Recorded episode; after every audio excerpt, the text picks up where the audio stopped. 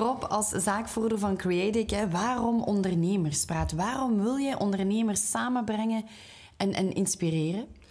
Ja, dat is eigenlijk een beetje gekomen van ehm, wat wij eigenlijk met Creatic doen. Wij werken eigenlijk voornamelijk voor KMO-ondernemers. Dus wij, ehm, ja, wij hebben elke dag hebben we eigenlijk heel veel contact met ondernemers zelf. Omdat wij voor KMO's werken, ja, werken we eigenlijk nooit niet met marketingmanagers of zo. Dus meestal ehm, zitten we echt wel met de ondernemer zelf aan tafel.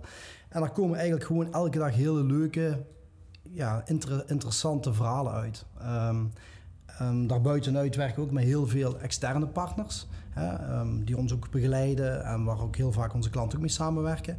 En dat zijn ook echt wel allemaal experts in vak. En ja, we hadden op een gegeven moment het idee van... oké, het kan wel heel leuk zijn om dat verhaal eigenlijk wat meer te gaan delen. En omdat we ook wel merken dat onze klanten, ondernemers, eigenlijk steeds bewuster bezig zijn met strategie.